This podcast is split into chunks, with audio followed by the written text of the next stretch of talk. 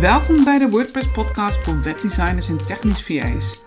In deze show wil ik je informeren en inspireren door je mee te nemen in de wereld van WordPress met tips en achtergronden. Mijn naam is Rolinde Brons, eigenaar van Solid WP, waarmee ik WordPress onderhoud en support aanbied. Speciaal voor webdesigners en technisch VA's. Superleuk dat je luistert. So, let's start. Hoe vaak moet je WordPress bijwerken? En dan hebben we het over WordPress zelf, de thema's en de plugins. Nou, als webbureau krijg ik dagelijks of heel regelmatig vragen over het beheer en het onderhoud van WordPress websites. Webdesigners en uh, ondernemers twijfelen soms of ze beheer van hun WordPress website uit de handel willen geven of dat ze deze klus zelf willen blijven doen. En een van de overwegingen die men hierbij maakt is de hoeveelheid tijd die men kwijt is aan het updaten van WordPress. Los van de kennis en de expertise die ze hebben, zijn ze ook benieuwd hoe vaak moet ik het nou doen? Want hoeveel tijd moet ik hiervoor reserveren in mijn agenda? Nou, in deze podcast ga ik je vertellen wat je wel moet doen en wat je niet moet doen. Hoe vaak moet je WordPress nou updaten? Wanneer je inlogt in je website-omgeving, dan zie je een rood bolletje vaak bij de plugin staan dat er updates beschikbaar zijn. Het is niet altijd noodzakelijk om direct actie te ondernemen, hè, om het direct de nieuwe versie te installeren. Maar het is wel verstandig om meteen te controleren om wat voor soort update het gaat. want betreft het bijvoorbeeld een veiligheidsupdate, dan is het slim om het direct uit te voeren, zodat je voorkomt dat er problemen ontstaan. Nou, eigenlijk zijn er verschillende redenen waarom je WordPress updates moet bijwerken. En ik adviseer je om het daar wekelijks te doen. Ik wilde dagelijks zeggen, maar wekelijks is prima. dus als je de vraag hoe vaak moet je WordPress updaten invult in een willekeurige zoekmachine, dan kom ik nog regelmatig het woordje eens per maand tegen. Ik ken ook organisaties die doen het eens per kwartaal ja, dat, daar ben ik het absoluut niet mee eens. Het liefst dagelijks dat je het controleert. Maar als je het één keer per week dan ook daadwerkelijk doet, dan ehm, ja, ben ik tevreden om zo maar te zeggen. En de urgentie om updates te installeren, die is niet alleen omdat hackers steeds slimmer zijn ehm, om toegang te krijgen tot je website met een verouderde update, oude, verouderde plugin.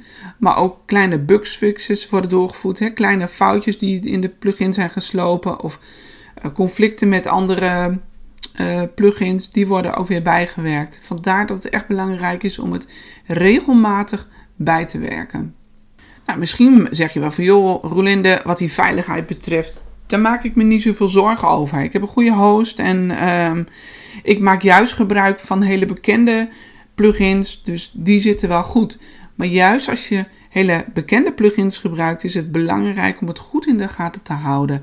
Want hoe interessanter of hoe meer een plugin gebruikt wordt, hoe interessanter het ook is voor een hacker om juist daar een script op te schrijven om in te breken.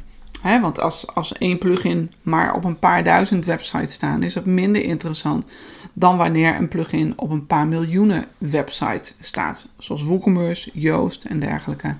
Bij WooCommerce heb je ook nog eens weer te maken met uh, uh, dat er vaak ja, uh, persoonlijke data van mensen op je website staat.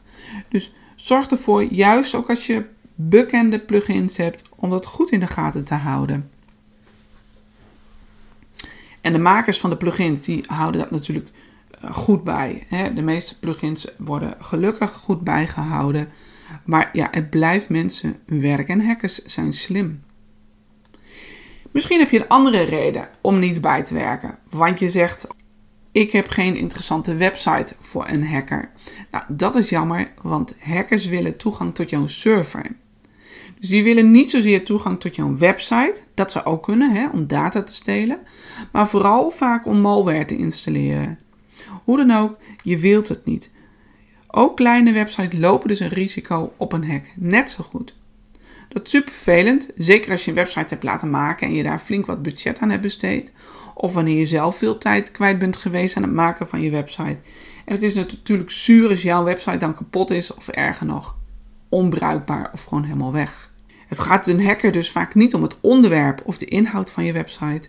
Veel hacks worden uitgevoerd namelijk door automatische bots en die kijken niet naar uh, wat er op de website staat. Die kijken puur, ik wil in jouw website komen en op jouw server. Want dan kan ik of jouw bezoekers lastigvallen met malware, met phishing of op een andere manier. Je kunt overwegen om uh, automatische updates van WordPress aan te zetten. Um, op zich ben ik daar niet direct tegen, maar ook niet direct voor. Um, ja, daar heb je dus niet zoveel aan, omdat het gewoon een genuanceerd is. Sinds uh, WordPress 5.5 kun je aangeven of je een plugin automatisch uh, wil bij laten werken. Ja, zoals gezegd, wees voorzichtig, want niet alle plugins werken lekker met elkaar samen en sommige botsen met elkaar. Soms staat er ook wel, uh, hè, bijvoorbeeld Elementor Pro, die zegt ook wel eens van joh, ga pas op deze versie updaten. Als je ook ziet dat um, ja, plugins van derden, die hierop gebaseerd zijn, hier ook klaar voor zijn. En wanneer je het automatisch doet, dan heb je bijvoorbeeld een Elementor add-on die nog lang niet lekker samenwerkt met de allernieuwste versie van Elementor Pro. Dus het is altijd goed om het om na te gaan of een update ook daadwerkelijk uitgevoerd moet worden. En op het moment dat jij dat automatisch hebt ingesteld, ja, word je wakker en krijg je een keer een mailtje van een bezoeker of je ziet het zelf dat je website er niet goed uitziet. dus als je de automatische updates aan hebt, ja, dan heb je gewoon minder zicht uh, en minder controle. En op het moment dat je het wel handmatig doet, dan kun je meteen alles eventjes controleren. En dat is, uh, ja, dan kun je het ook weer direct opruimen en oplossen als het wel uh, verkeerd gaat. Of je draait een versie terug. Nou, het is natuurlijk ook um, mijn advies om altijd even een backup te maken voordat je het gaat uitvoeren. Want dan weet je zeker dat je, nou mocht het echt helemaal in de war gaan, dan kun je altijd weer die backup uh, terugzetten. Dus ja, wat is mijn advies? Hoe vaak moet je WordPress bijwerken? Mijn advies luidt dus minimaal iedere week de updates uitvoeren. In elk geval loop ze bij langs, kijk wat er veranderd is en of het urgent is en of het al kan.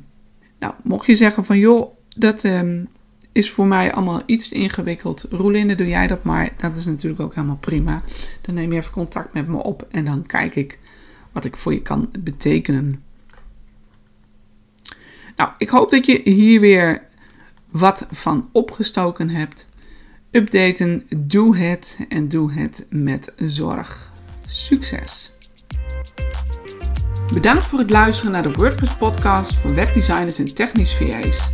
Vond je het interessant? Geef mijn show dan een review op iTunes of Spotify, zodat ik weet dat je hier wat aan hebt en deel deze aflevering met anderen. Ben je geïnspireerd of wil je meer informatie? Bezoek de website solidwp.nl en neem contact met me op. Dat zou ik hartstikke leuk vinden. Voor nu nog een hele fijne dag en tot de volgende aflevering.